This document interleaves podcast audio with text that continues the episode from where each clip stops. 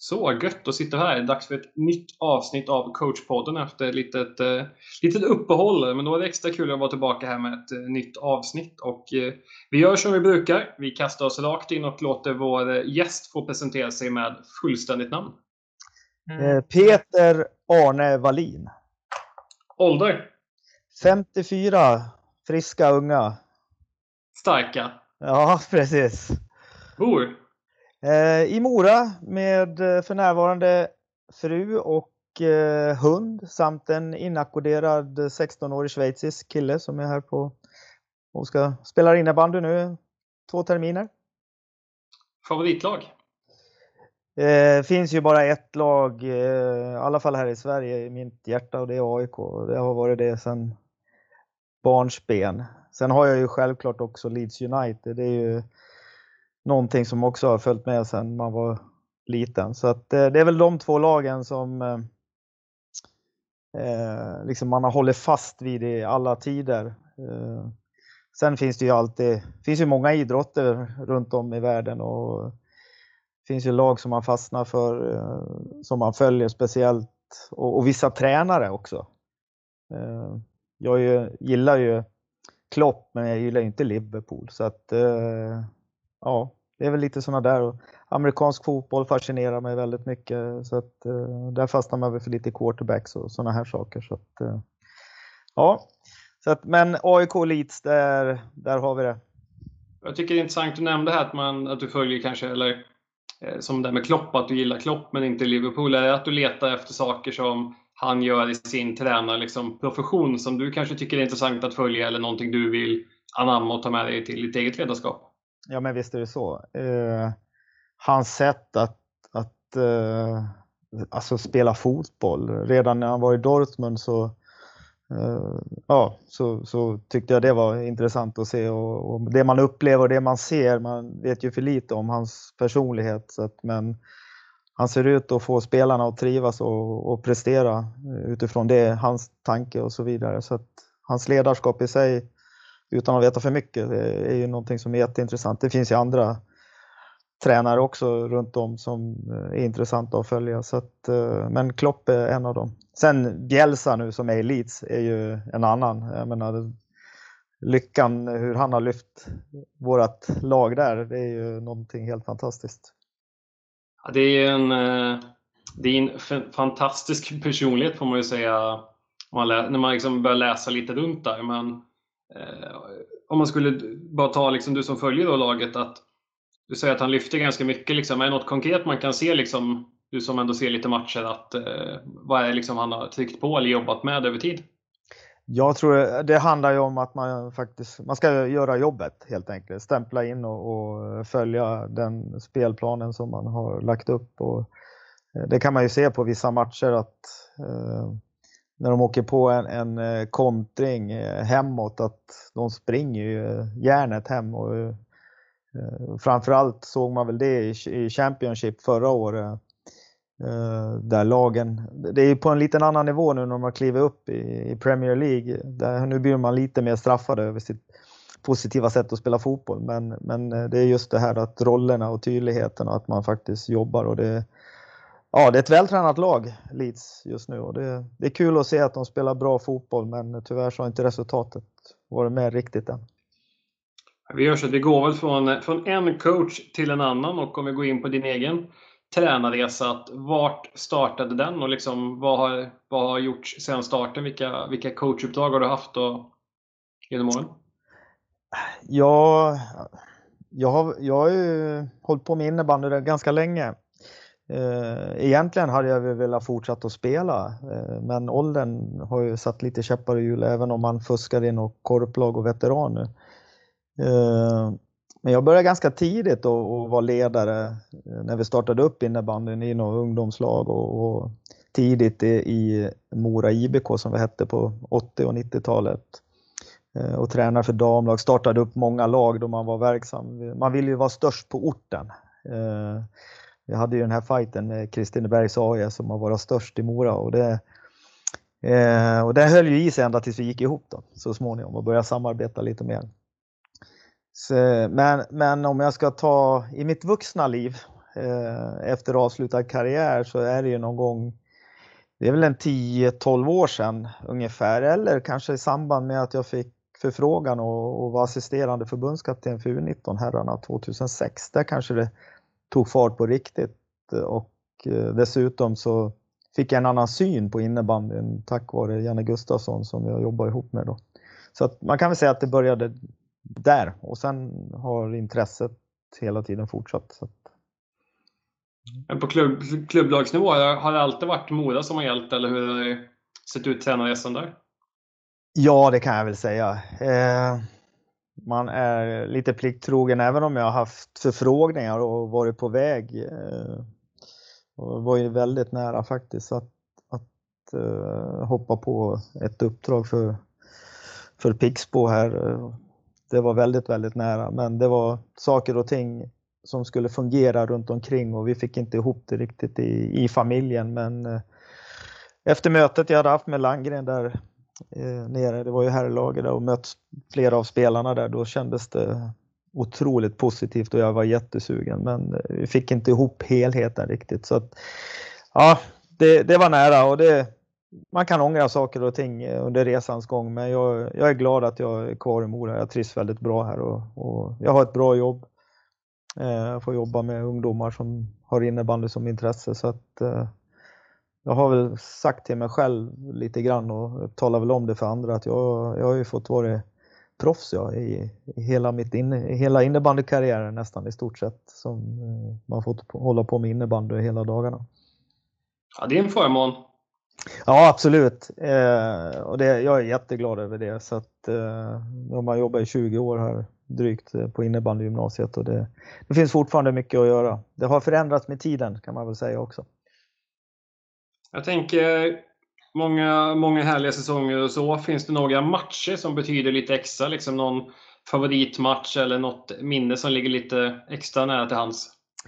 Jag har faktiskt jag har flera stycken och jag, när jag, jag såg den här eh, frågan lite grann, då satt jag och funderade lite grann och det är ju lite olika perspektiv. Om jag tittar på mig själv som spelare så så finns det ju några matcher jag, jag, någon som jag vill glömma men som jag har varit med i. Eh, tidigt SM-slutspel redan 1988 där vi i en SM-semifinal leder med 3-0 över Jönköping och är på väg mot en, en final men, men tyvärr så händer det lite saker och, och det går till sadden och vi för sadden och ribbskott och lite annat och tyvärr så förlorar vi på straffar sen. Det är en sån här match jag verkligen kommer ihåg. Eh, dels för kanske jag själv missade en straff där vid straffavgörande men det var så nära en SM-final eh, på den tidens upplägg som man hade för SM-slutspel. Eh, sen var det väl egentligen första landskampen jag fick göra. En borta fight mot Finland och fick avgöra i första landskampen med, med rygg, ryggen mot målen, backen knackade mina, mellan mina egna ben. Så det var lite kul. Det är ett bra sätt att göra sitt första mål på. Ja, absolut. Uh, uh, nej, det, var, det var riktigt kul och det, det är kul att få representera svenska landslaget även om det inte var så många uh, andra länder vi mötte än Schweiz och Finland på den tiden. Men, nej, men sen, sen kanske den största matchen är väl den när vi gick upp eh, senaste gången här. Nu ska vi se, säsongen 14-15 var kanske. eh, när vi slog Thorengruppen i eh, en helt avgörande match och eh, TV sändes dessutom. Den enda matchen som inte har varit på landslaget SSL-nivå som eh, av den här eh, på seniornivå då, eh, som har visats direkt i, i TV4 där. Så att, eh, att få avgöra det i sadden, Erik Westlund ettan och den känslan som uppstod efteråt. Eh, ja, den var euforisk så att eh, den matchen betyder nog kanske allra mest genom alla tider och få göra det med klubben som är närmast hjärtat och med de spelarna som vi hade då. Det, var, det är absolut det största hittills. Eh, och sen vet jag att Oskar Lundin nämnde en JAS-final. Eh, och när vi vände mot Partille också. Eh, 2011 tror jag det var. Eh, så det vet jag att det satt lite hårt inne åt han länge där. Eh, det tog han upp första gången vi möttes med, eh, när han var med i Varberg eh, och var tränare där. Så att, eh, då fick han kvittera sa han. 1-1 i matcher sa han efter segern. Så att, ja, den, den, var också rätt kul när vi tog ett JAS-guld där med 92orna som jag följde från 5-6 års ålder ända tills de ja, slutade innebandygymnasiet. Ja, en väldigt spännande resa att kunna följa ett sånt att följa en årskull liksom ett lag över så pass lång tid? Ja, mycket beror ju på att sonen eh, är född 92 och det var ju där allting började. Så att, eh, och vi var, de var ett gäng 92 år som höll, höll ihop länge och sen fick vi in några duktiga spelare på innebandygymnasiet som kompletterade och det gänget var ju helt fantastiskt. De, eh, vi vann ju både P16 SM och JAS med, med de spelarna så att eh, det, det, var kul att se hur de, hur de utvecklas eh, under hela resan.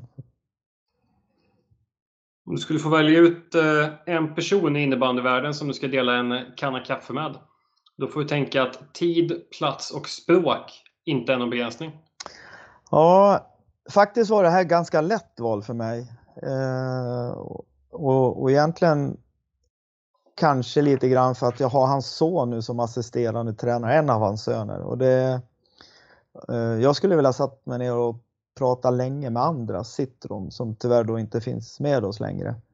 Eh, det hade varit kul att, att höra hans tankar och, och ja, liksom allt jobb han faktiskt la ner för innebandyn, både nationellt här i Sverige och, och även internationellt. Eh, så det hade, det hade varit fantastiskt att få sitta i, i timtal och, och, prata med honom om det. För han var en visionär och, och, jag är väldigt glad att han gjorde det jobbet han gjorde för innebandyn. Och, för att eh, idrotten i sig har betytt väldigt mycket för mig personligen och, och Andras var ju faktiskt den som, ja vad ska man säga, gav mig chansen i landslaget också. Så att eh, det hade varit väldigt kul att sitta och prata med honom.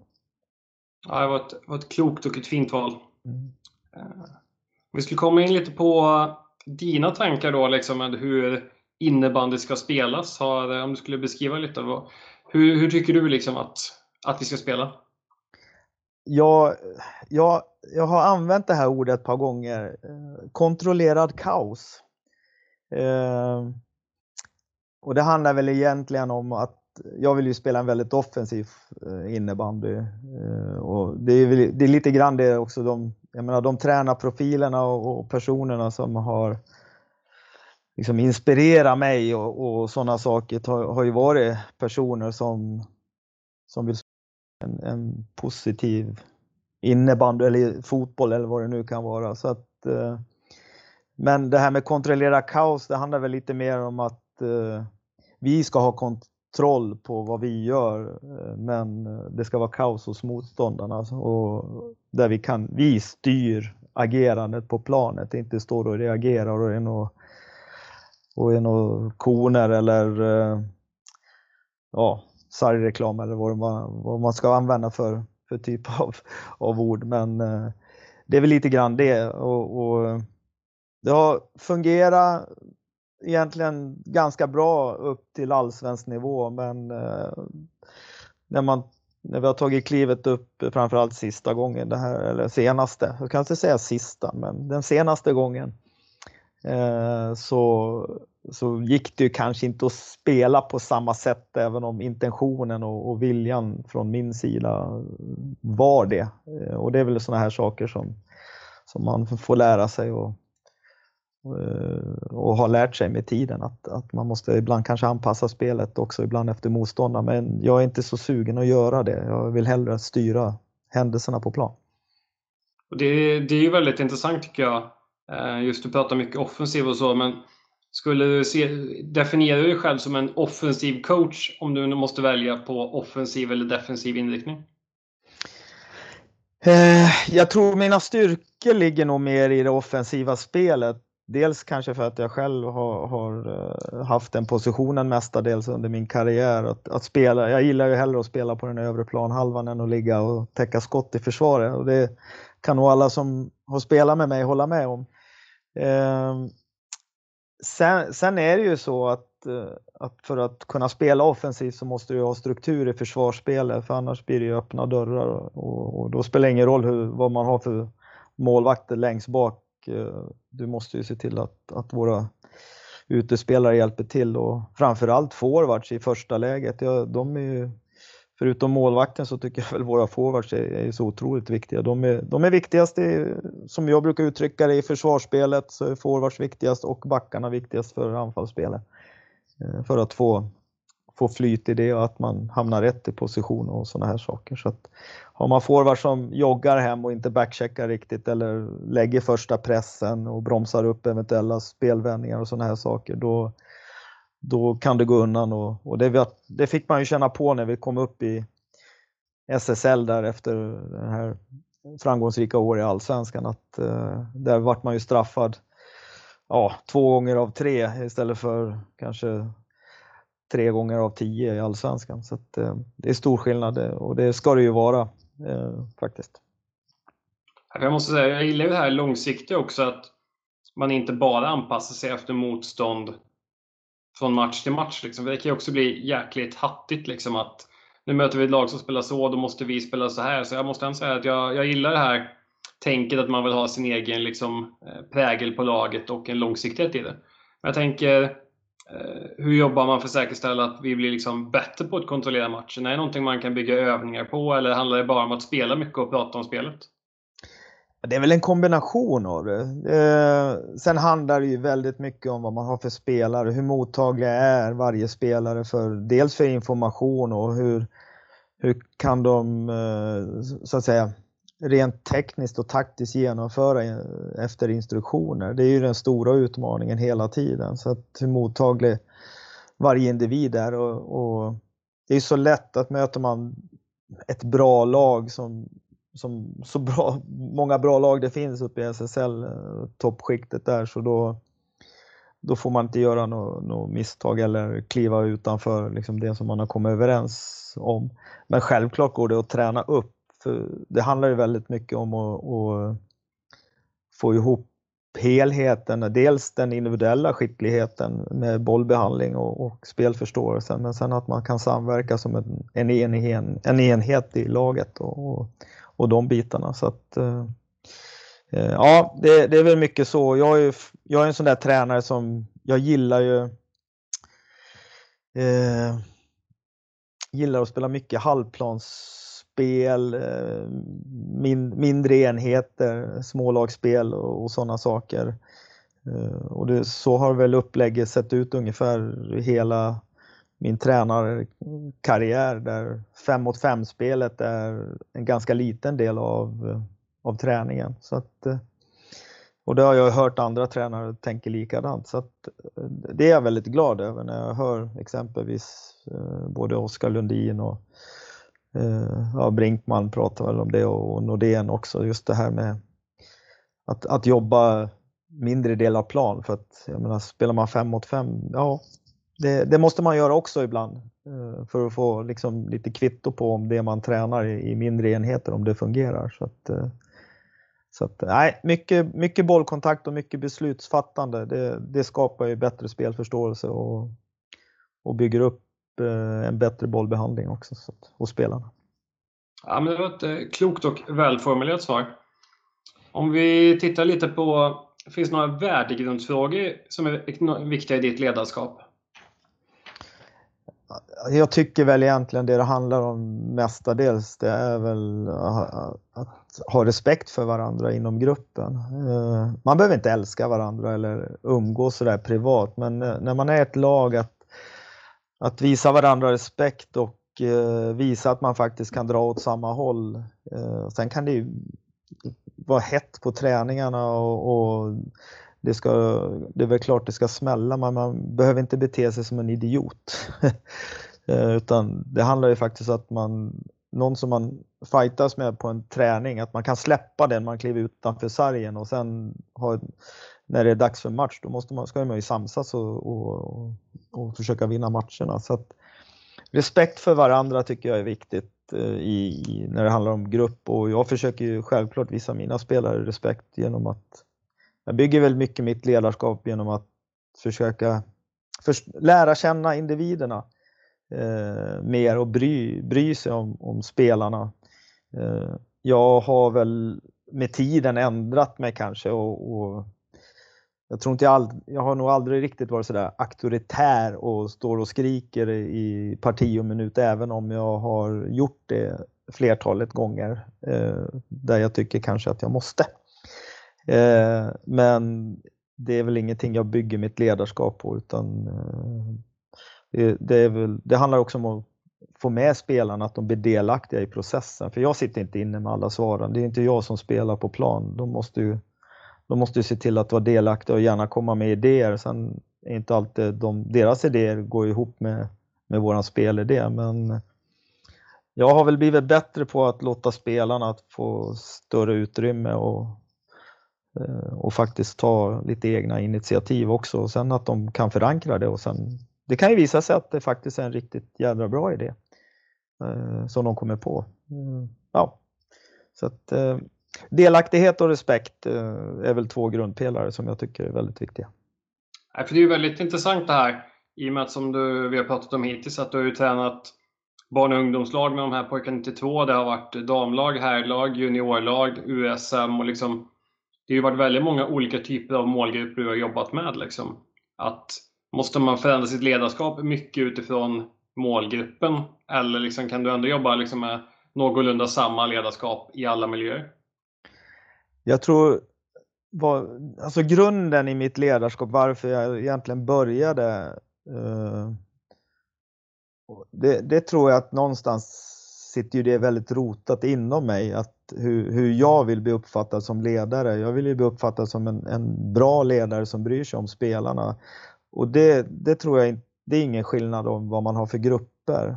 Eh, sen behöver man ju vara lite annorlunda beroende på ålder på spelarna och vad, vad har de för erfarenheter, vilken grupp det är. Du, du pratar om U19 och, och klubblag och lite skillnad på sådär. När man jobbar man på landslagsnivå så kan man ju sitta och välja och vraka vilka spelare som man kan ta med i ett i ett landslag. Eh, I klubblaget har du de spelarna, du har ju föreningen och visst du kan värva in om du vill ha kompetens på, som du saknar och sådär.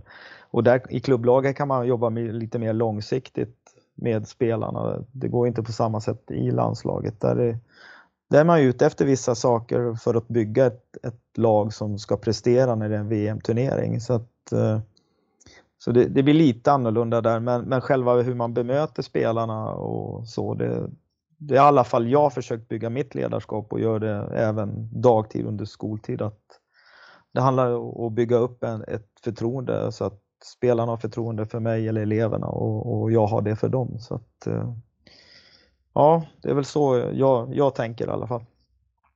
Du nämnde ju landslaget här som är ganska intressant, Dels som jag tänkte vi ska dyka ner lite extra i. texter. Eh, nu får ursäkta om jag har något faktafel här, men om jag har rätt på så har väl du varit med både med U19 här och damlandslaget? Eh, U19 här och U19 dam. Eh, U19 här var jag under en treårsperiod mellan 2006 och 2009. Och dam, U19 dam mellan 2012 och 2016. Så att, och det har varit två fantastiska resor. Att, att få jobba med, med de bästa spelarna i den här åldersklassen har ju varit ja, jag är jättetacksam att jag har fått möjligheten och de jag har jobbat tillsammans med har gett mig, gett, gett mig mycket till mitt eget ledarskap som jag har tagit med mig och jag hoppas att jag har kunnat gett en hel del tillbaka till, till dem också. Det får ju de svara för men, men det har varit bra eh, bra grupper som jag, man har jobbat med och det säger väl mycket att man fortfarande har kontakter med de ledarna också som gör att det känns att det har varit ömsesidigt i alla fall. Då kommer tänka lite, vad har du haft för roller nu varit med? Har du haft något speciellt ansvarsområde eller någon inriktning eller hur har det sett ut där? Det har ju varit lite olika. Med U19-herrarna med Janne Gustafsson så, Janne gillar ju att ha kontroll. Eh, men vi, vi pratade jättemycket. Eh, jag vet inte hur lite vi har sovit när vi har varit på våra läger och våra VM-turneringar. Det har varit, ja, Eh, vi har byggt eh, formationer, det har varit powerplay-uppställningar sent in på nätterna. Där han, han gillade att grotta ner sig i sånt och, och, det var ju bara att haka på. Han var ju chefen där så att, eh, men det gav mig jättemycket. Men han var bestämd Janne och eh, det, som sagt, det var väl han som var liksom startskottet till tankarna jag har och hur jag utvecklar mitt, mitt tänk som framförallt om den taktiska biten i, i när det gäller leda, mitt eget ledarskap och tränarskap framförallt. Så att, eh, eh och det är jag jättetacksam över. Sen, eh, så där hade jag, vi, vi pratade väldigt mycket men i slutändan var det ju,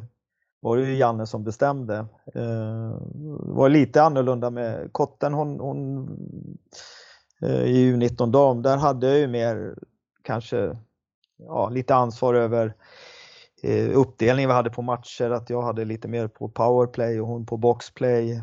Eh, timeouter så delade vi på beroende på om motståndaren tog timeout eller om vi tog timeout och, eh, och sådana saker. Och spelboken gjorde väl jag klar och, och, jobbade mycket med, men det var ju gemensamt hur vi jobbade fram den. Eh.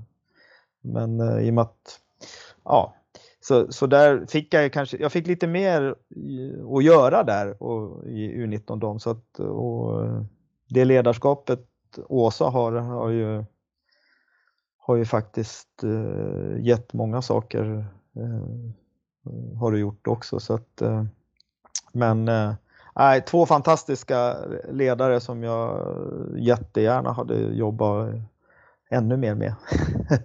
Faktiskt. Nej, de har gett mig jättemycket och det är jag jättetacksam för. Jag tänker lite som du pratade om här med spelbok, att det blir ju lite speciellt att man har ju kanske inte så mycket tid med landslagsspelarna i träning och liksom kunna nöta in detaljer liksom. Men fick man anpassa spelboken mycket utifrån tidsaspekten eller hur, hur upplevde du det jobbet? Ja, jag, jag skulle säga vi, den var ju ganska vi hade ju jättemycket saker och ting, men, men eh, vi lärde oss under resans gång, eh, framförallt med U19-tjejerna, att det var, eh, det var inte, vi kunde inte ge dem för mycket information utan vi, man skalade av viktiga detaljer. Vi upptäckte ju saker och ting eh, under resans gång, exempelvis uttryck som vi använt länge, det här att spela på klockan.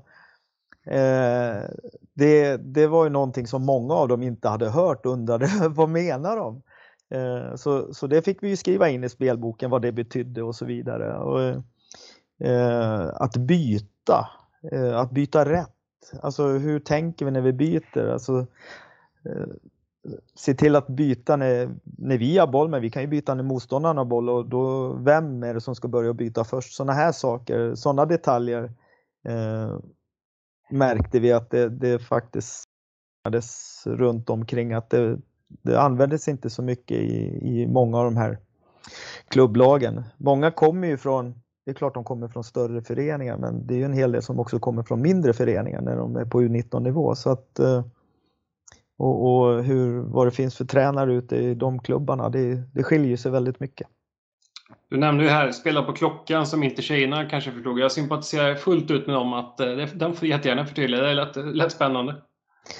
Ja, men det var ju faktiskt hände det här borta när vi spelade i, i en finkamp i Lahtis mot, eh, ja, mot finskarna självklart då, i en finkamp. Eh, och då ledde vi, jag tror vi ledde med två kassar och det var bara några, tio sekunder kvar och vi står och skriker spela på klockan och Eh, en av spelarna ger sig ut på en liten ride.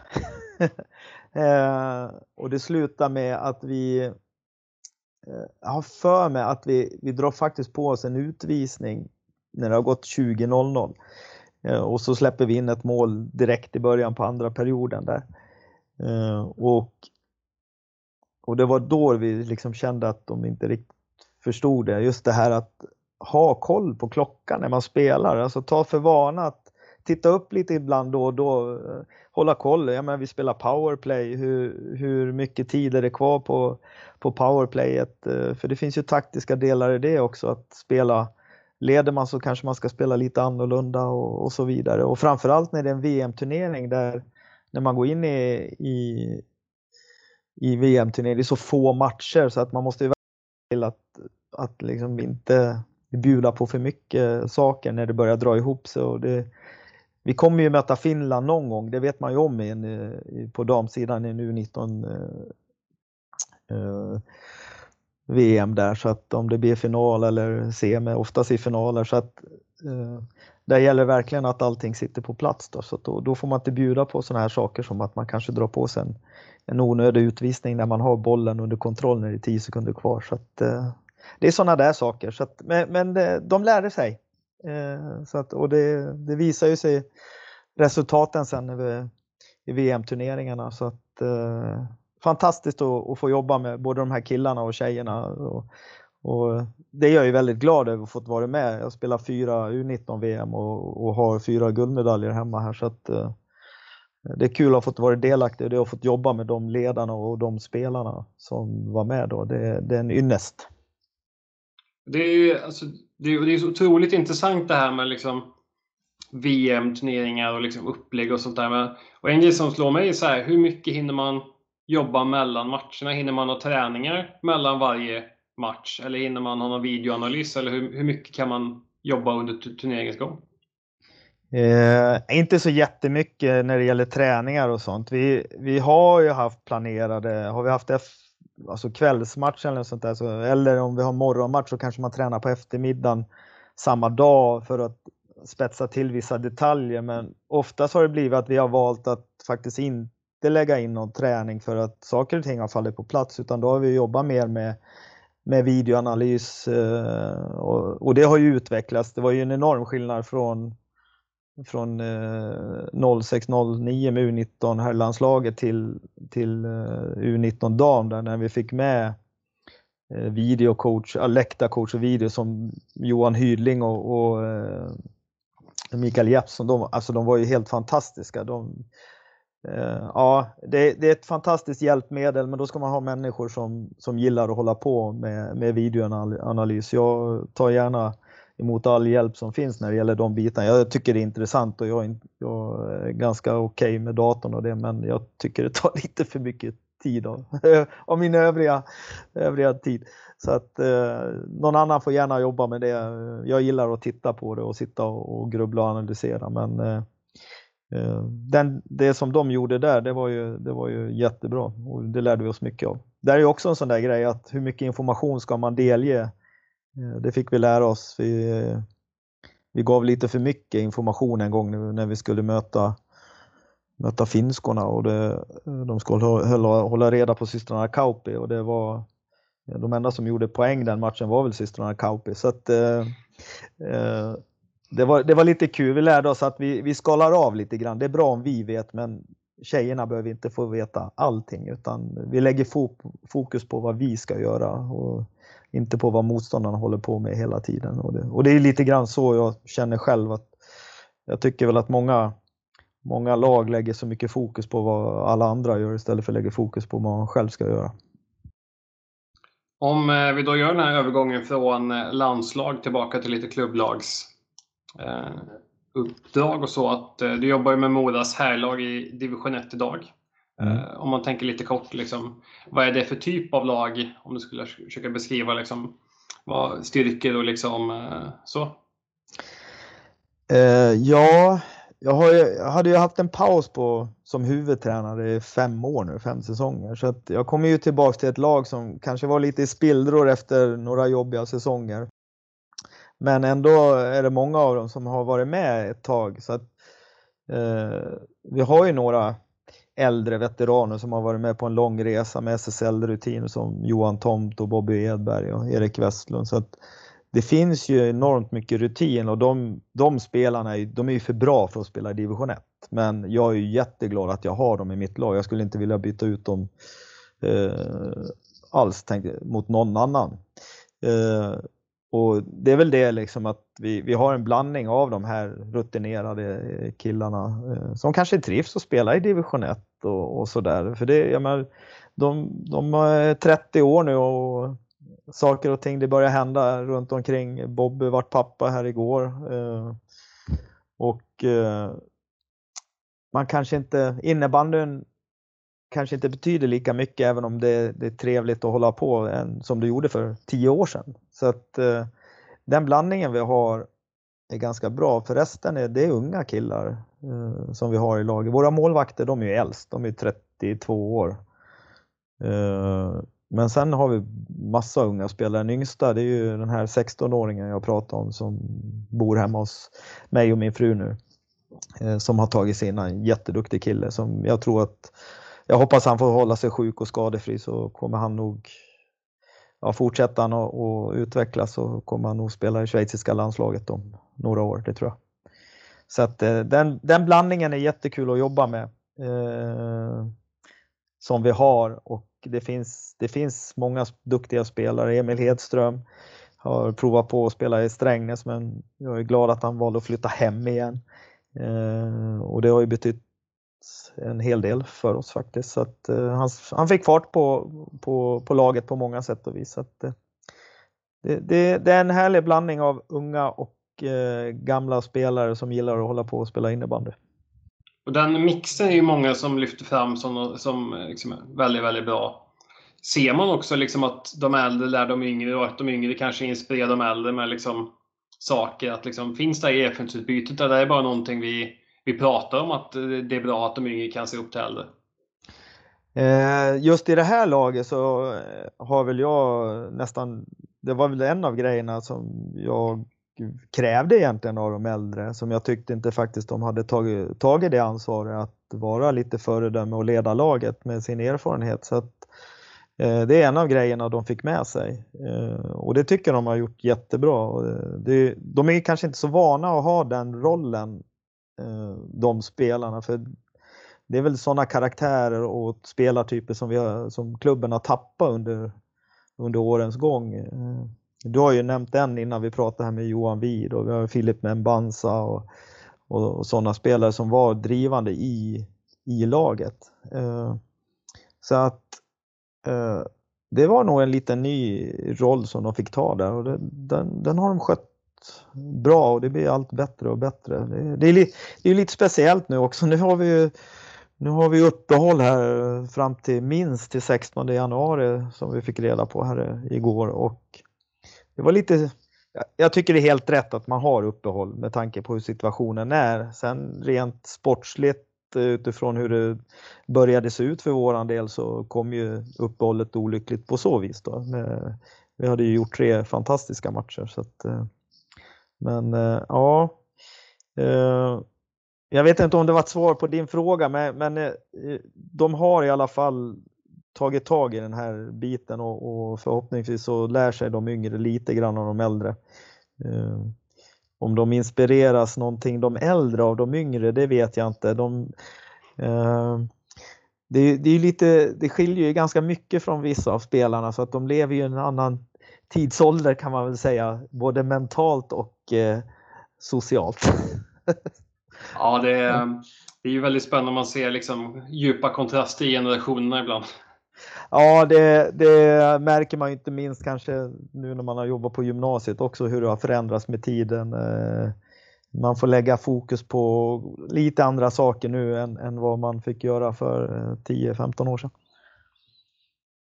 Du nämnde ju här liksom just att eh, det är lite uppehåll och liksom alla de delarna men, och säsongen är pausad. Men finns det någon match av dem ni hann spela som du kände att eh, här klickade det liksom att nu behöver vi hitta någonting som kändes att eh, den här matchen sticker ut lite extra mycket? Alltså de tre se- eh, senaste matcherna, sista innan uppehåll här som vi gjorde, vi, vi eh, fick ju en målskillnad på 38-9 och, och de var ganska lika i sättet som, och kan väl egentligen nästan uh, hur, hur, vilken typ av innebandy som jag står för och vad, och vad jag tycker på den här nivån som vi kan genomföra med det laget. Eh, en högintensiv innebandy med, med uh, spelvändningar, kombinerat med snabba spelvändningar och med etablerat spel. Så att, uh, och egentligen är det kanske jag är mest stolt över, det är ju sista matchen när vi möter Surahammar borta och då går det lite grus i maskineriet i första och det blir lite gnälligt och har några spelare som säger nu måste du göra ändringar och så vidare. Och sen hade jag väl ett litet brandtal bara i, i pausen. Jag skällde inte på dem men, men eh, sa väl bara lite saker som att ja, men vi, vi springer omkring där ute och, och, spelar var för sig och sen trycker väl på några saker. Hur, ja, ta första, första framåt istället för att vänta in motståndarna för de backar ju hem och så vidare. Och stod 1-1 efter första där och sen vet jag inte hur lång tid det tog så jag tror vi vann andra perioden med 9-2 eller något sånt där. Så att eh, de fattade galoppen i alla fall att det gick inte att bete sig som man gjorde i första och sen när vi började göra saker och, och, och just att kunna ändra det beteendet hos spelarna och, och, den stora förändring som det faktiskt blev i vårt eget spel och, och, lite mer glädje i laget. Det blir ju, det blir ju roligare när man vinner helt enkelt. Så att, eh, det, det var faktiskt kul att se eh, hur, och att de faktiskt anammade det. Det var, det var riktigt roligt. Så att det är ju sådana saker som gör att man känner att ja, men man är, håller på med rätt saker. Om vi då unnar oss att tänka ett scenario att allting kan dra igång som vanligt sen i januari och alla matcher kommer kunna spelas. Vi, vi spekulerar inte utan vi unnar oss bara tanken att så blir fallet. Att, finns det någon match då du ser lite extra mycket fram emot? Antingen om det är på liksom med Mora eller om det är något, någon landslagsmatch eller någon, någonting. Är det någon särskild liksom, grej som du tänker att det här ska bli kul?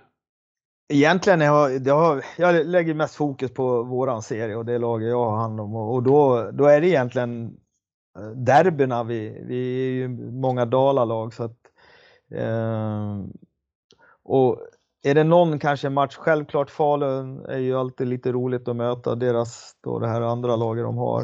Eh, det blir lite speciellt när man möter Falun men, men samtidigt så är det väl Eh, vi åkte ju på en riktig kölhalning i andra omgången, Borlänge borta, så att den matchen, lite, självklart är vi ju revanschsugna, så den skulle, ser man ju fram emot och så hoppas att vi kan göra ett bättre ifrån oss än vad vi gjorde då. Eh, att alla är revanschsugna och nu, då är det på hemmaplan så att då ska vi, ska vi vara lite bättre. Så att, men, men eh, sen hoppas jag ju att att, som du säger, att man får slutföra serierna. Så att jag, jag hoppas ju att eh, den sista matchen för säsongen, att den betyder väldigt mycket. Att vi, vi får vara med och, och faktiskt slåss om ett avancemang. Det hade varit trevligt och någonting att se fram emot. Eh, eh, så det inte blir som, som förra säsongen när man låser serierna och bara går efter seriespelare. Så att, eh, för mig får man gärna hålla på och spela innebandy in i maj, juni, bara vi slutför serierna. Om man inte bestämmer sig för att frysa säsongen helt och, och börja om från scratch nästa år. Då. Så att,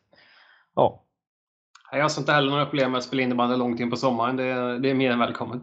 Ja, det, det, hade ju varit riktigt trevligt.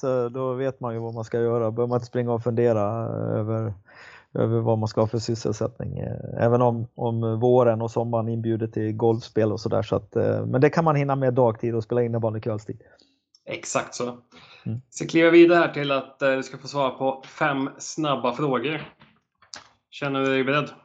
Ja, det, jag får se om jag är tillräckligt snabb. Det, ja, vi kör. Vi kör. Så att första frågan då. Match eller träning? Match. Powerplay eller boxplay? Powerplay. Match på hemmaplan eller match på bortaplan? Hemmaplan. Klubblag eller landslag? klubblag. Kaffet innan matchen eller tuggummit under? Ja, kaffet eh, alla dagar i veckan. Jag, nej, jag tuggar tuggummi under matcher, det är inte min grej. Nej, jag instämmer. Jag, ibland kan bli liksom att man träningsvärk i käken om man stått där med tuggummi innan. Så det, det, det har vi plockat bort nu menar Ja, och sen man behöver ju använda munnen till annat än att tugga tuggummi. Det finns ju, man kan ju tugga på domaren eller tugga på, på sina spelare, få fart på dem. Så att eh, nej, tid att tugga tuggummi det, det har jag absolut inte. Det är som du säger, det, det gör ju bara ont efter ett tag i käkarna. Så att, eh, ja, nej men det, det, det, just det här med hemmaplan och bortaplan också. Det sen är, finns det ju vissa bortamatcher som är lite roligare att spela än, än, än andra, så är det ju. Men, men hemmaplan är alltid hemma. Skulle du säga att du föredrar rutinerna kring en hemmamatch mer än rutinerna kring en bortamatch? Jag kan tänka mig vissa tycker ju att det kan vara lite skönt om det nu inte är en alltför lång bussresa. Det finns ju gränser såklart, men just rutinerna att man samlas, åker bussen, kanske käkar ihop eller sådana saker. Att, men uppskattar du rutinerna på hemmamatcherna mer? Alltså tjusningen att sitta och åka buss och sådär, umgås en, en hel helg eller för en bortamatch eller vad det Det finns ju finns ju tjusning i det också. Eh, men samtidigt hemma, alltså tryggheten, eh, tillgång, alltså man, man har tillgång till allting som, som finns där. Den, den föredrar jag alla dagar i veckan. Sen, sen tycker jag tiden eh, mellan matchgenomgång och innan matchstart är den tråkigaste som finns. Så att, eh, jag, jag tittar nästan aldrig på några uppvärmningar. Um, sen, och jag brukar ägna mig åt, ja, det är nog åt titta på V75 travlistorna eller något sånt där. Så att, eh, nej, den tiden där mellan innan matchen kör igång, det, det, det är en tråkig tid. Om vi kliver vidare till, eh, till något lite roligare här då, så ska du få sätta ihop din egen drömuppställning med sex stycken spelare. Förslagsvis då en målvakt och fem utespelare. Men du får ju självfallet eh, plocka målvakt om du vill köpa sex utespelare istället. Ja, eh, jätteintressant. Uh, vi pratade om det innan lite grann. Jag hade ju flera infallsvinklar här. Att själv, jag hade ju velat själv vara med och spela. Uh, och då tänkte jag att jag skulle sätta ihop spelare som jag gärna hade velat lirat med. Uh, men jag, jag fastnade till slut med, på U19 dam där med spelare som jag har haft hand om och fått vara med och sett Eh, spela och fått sett hur de utvecklas och som faktiskt har tagit steget upp i, i damlandslaget från U19. Eh, och konkurrensen eh, har ju varit ja, jättehård när man sitter och, och, tittar. Vad är det för spelare man egentligen har haft? Men jag fastnar ju för några stycken här. Eh, och det har vi ju, det har ju att göra lite grann på det här eh, också personliga planen. Vissa spelare kommer man ju Eh, får man ju mer kontakt med än andra och det har ju att göra med deras personlighet också. Eh, eh och sen är det självklart att deras, eh, deras enorma förmåga att, att vara som personer och, och på plan och, och, och, hur de har presterat där. Så att, som målvakt då, då sätter jag in Beverly Smedenäs som tillhörde Malmö under den tiden. Eh, en, en glad eh, och otroligt sprallig tjej som jag tyckte var en fantastisk målvakt. Eh, jag har lite dålig koll. Senast tror jag hon spelade väl i, jag vet inte om det var Malmö eller Kalmarsund kanske. Hon har, hon har varit ute på lite utflykter men eh, så jag vet inte om hon faktiskt spelar fortfarande. Det har jag lite dålig koll på. Det skulle jag kollat upp men, men eh, hon får, ju, får i alla fall en välförtjänt plats här i uppställningen. Ja, jag tycker hon, är, ja, hon var en fantastiskt bra uh, målvakt. Uh, sen har jag som vänsterback, då har jag Stephanie Boberg. Uh, som, ja, det, hon håller otroligt rightare, teknisk, bra skott, allt man kan önska att ha i, i en powerplay-uppställning. Och ja, en jätteduktig tjej som eh, jag hoppas kommer spela innebandy många år till. Eh, sen högerback så är det Klara Molin. Eh, man behöver ju ha lite hårdhet och rivighet i, i en formation och Klara hon står ju upp mot det mesta. Hon smäller på och, och gillar verkligen att, att spela fysiskt men samtidigt så besitter hon ju enorma eh, egenskaper eh, och just det här att hon har kliver ner på backen och det, var, det hände väl nog under vår tid där U19 för hon var ju center och forward eh, tidigare men, men vi hade ju henne som, som back i landslaget och eh, där har hon gjort sig rätt bra, ifrån sig rätt bra. Eh, och sen på centerposition då har jag Alice Granstedt eh, som skulle ha varit med när vi var i Kanada 2016 men drog tyvärr korsbandet och det var jättetråkigt för att ja, det har hon ju visat sen i, när hon kom tillbaka hur pass duktig hon är. Eh, så att eh, ja, hon, hon har det mesta som jag tycker en, en eh, center ska ha och hon har ju visat genom, hon har ju gått ner och spelat lite back och sådär i, i Iksu och ja, så att nej, en bra spelfördelare och eh, härlig inställning till, till eh, innebandyn. Så att, tycker jag hon faktiskt är, är helt överlägsen på den positionen. Eh, vänsterforward, där hade jag ju faktiskt två spelare som eh, som jag eh, och jag, jag vet inte, det är nästan jag, jag, jag, eh, jag sätter nog den, den ena får nog vara eh, riktig reserv där. Alltså, jag har, om jag säger den här andra femman jag har, den är inte heller. Men, men eh, som vänsterforward så får det bli Amanda Delgado Johansson. Eh, I hård kamp med Johanna Hultgren. Eh, men DJ är ju, eh, tycker jag, lite mer spetskompetens, ett bredare register. Sen är ju Johanna ju mer utpräglad målskytt än, än DJ, men DJ hon trycker in rätt mycket bollar också. Så att, men DJ hon har ju varit otroligt duktig under en längre period och, och eh, har ju varit bofast i landslaget ett tag nu. Men, men hård konkurrens där med Johanna Hultgren som eh, den spetskompetensen hon har i avslutningen. Och jag menar, det är väl bara att titta på senaste Sudden-målet i VM. Eh, ja, man får ju rysningar bara man tänker tillbaka på det. Eh, sen i högerforward så tycker jag faktiskt inte det finns någon konkurrens överhuvudtaget och det är ju Ellen Rasmussen. Eh, hon hade lika gärna kunnat spela på vänster men där var det ju upptaget så att eh, Ellen vet jag trivs på vänsterkanten men, eh, men eh, hon får kliva in som högerforward helt enkelt. Så att, eh, och blir man vald till bästa spelaren. Så att, eh, ja, där har du min, min femma med målvakt. Otroligt fin uppställning. Det, det är ju som du sa, liksom, samtliga har ju varit uppe på A-landslagsnivå liksom, och några av de främsta idrottarna vi har inom innebandyn. Mm. Ja, jag säger det. Den, jag har, hade lite reservnamn här också. Det, det hade varit kul att se de spelarna och att de hade mött varandra i någon intern match där. Så att, eh, fantastiskt många duktiga spelare. Så att, eh, och det är likadant. Jag satt ju och funderade på killsidan där jag fick ju komma in när vi hade sist, det var de sista åren med Kim Nilsson och Johan Samuelsson och de. Det är ju inga dåliga spelare det heller så att eh, det, var, det är kul att ha fått sett dem, vilket, vilket, vilken utveckling de också har haft, så att de blivit världsspelare. Om du skulle ha någon eh, coachstab till den här femman, att, eh, har du några, några tankar på personer som skulle jobba runt laget då?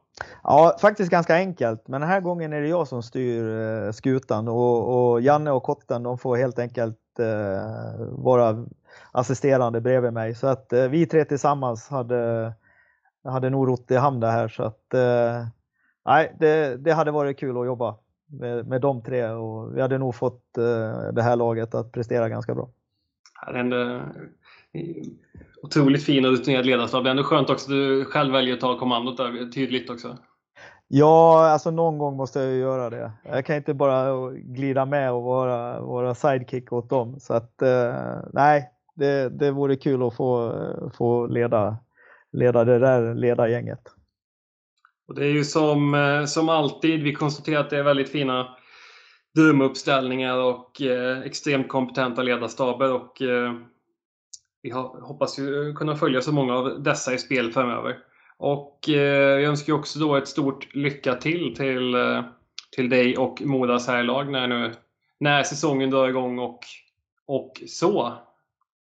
Ja, det, det, tackar vi för. Eh, vi kommer nog behöva det. Jag hoppas, jag hoppas ju att vi, vi tar oss förbi det här. Det, men som sagt, ibland det, finns viktigare saker än idrotten i livet. Det gör ju det, men då, då kan man åtminstone sitta hemma och lyssna på poddar. Det kan man göra. Det passar ju alldeles utmärkt. Så vi säger ett eh, stort tack för att du har medverkat i coachpodden. Ja, tack själv.